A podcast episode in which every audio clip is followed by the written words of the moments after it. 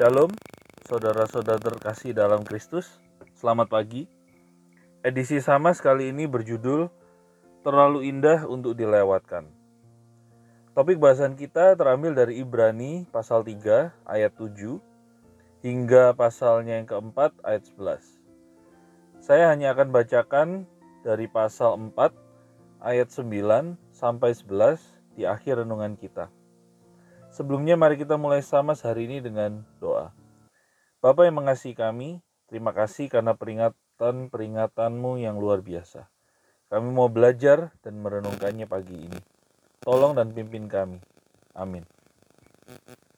Beberapa bulan yang lalu, saya baru menyadari sebuah hal yang sebenarnya bukan sesuatu yang baru-baru amat. Hal ini adalah sesuatu yang sebenarnya saya sering alami sejak kecil mengenai tentang percaya terhadap kata-kata dari orang tua kita.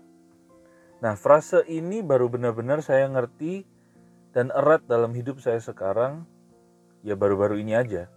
Tepatnya setelah menjadi seorang ayah. Lebih spesifik lagi, saat saya sedang menghadapi putri saya, Zoe. Jadi ceritanya begini. Suatu malam saat mau tidur, tiba-tiba Zoe harus ganti popok. Jadi saya bawa dia ke kamar mandi untuk dibersihkan. Lalu setelah itu kembali pakai piyamanya. Namun saat mau pakai popok, tiba-tiba dia lepas dari genggaman saya dan kabur. Dalam kondisi masih setengah basah dan belum pakai baju. Dia merasa bisa kabur dari saya. Tertawa-tertawa sambil seolah-olah meledek saya. Saya lalu spontan nyeletuk. Oi, awas, jangan lari-lari nanti kamu jatuh loh. Nah biasanya kalau nggak basah, dan ini terjadi, biasanya saya biarkan dulu sambil bercanda-bercanda kejar-kejaran dengan Oi. Namun karena saya anggap ini bahaya, saya cukup panik dan cukup keras memperingati Oi. Tidak seperti biasanya.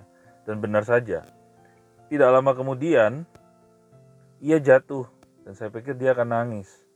Ternyata hanya meringis kesakitan lalu datang kepada saya seolah-olah ia menyesali perbuatannya karena tidak mendengar peringatan saya.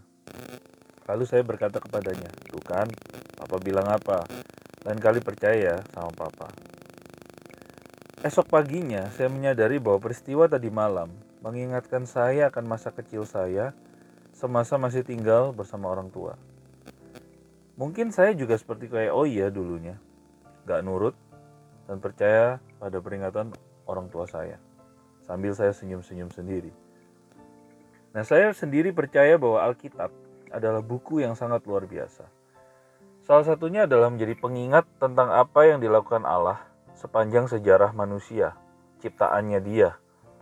Nah, di Keluaran 17 ayat 14, Allah menyuruh Musa untuk mencatat dalam sebuah tulisan sebagai tanda peringatan bagi generasi berikutnya. Untuk apa? Agar kita bisa percaya pada Allah yang sangat perhatian dan mengasihi umat manusia. Ia ingin agar kita semua selamat. Ia ingin agar kita mempercayai rekomendasinya. Nah, di kitab Ibrani ini, penulis ingin mengingatkan pada para pembaca untuk belajar dari kesalahan bangsa Israel yang mengabaikan rencana Tuhan agar mereka bisa masuk ke tanah perjanjian. Allah sudah menjanjikan hal yang sangat luar biasa, yaitu tempat perhentian yang penuh dengan berkat yang luar biasa. Nah, generasi pertama yang keluar dari tanah Mesir tidak menikmati janji itu karena mereka mengabaikan rekomendasi dari Allah. Allah yang benar-benar menuntun mereka di tengah padang gurun. Ibrani 3 ayat 14 mengingatkan kita semua bahwa kita yang zaman ini sudah percaya kepada Kristus akan beroleh janji yang sama dengan bangsa Israel ketika di padang gurun, yaitu mendapatkan tempat perhentian. Di pasal sebelumnya dijelaskan siapa Yesus sebenarnya, mengapa kita harus percaya pada Yesus, dan banyak bukti-bukti penting lainnya dihadirkan oleh penulis. Namun, poin penting dari perikop kita hari ini adalah ingin mengatakan bahwa kita yang melewatkan kesempatan yang Yesus tawarkan ini, kita akan sama bodohnya dengan bangsa Israel waktu itu. Melewatkan tempat perhentian yang bisa juga diartikan adalah hari Sabat Tuhan. Hari di mana kita bisa bersama-sama menikmati kasih dengan Sang Pencipta kita. Penulis mengajak kita untuk berserah kepada Yesus, yang kisah hidupnya sangatlah indah untuk semua umat manusia.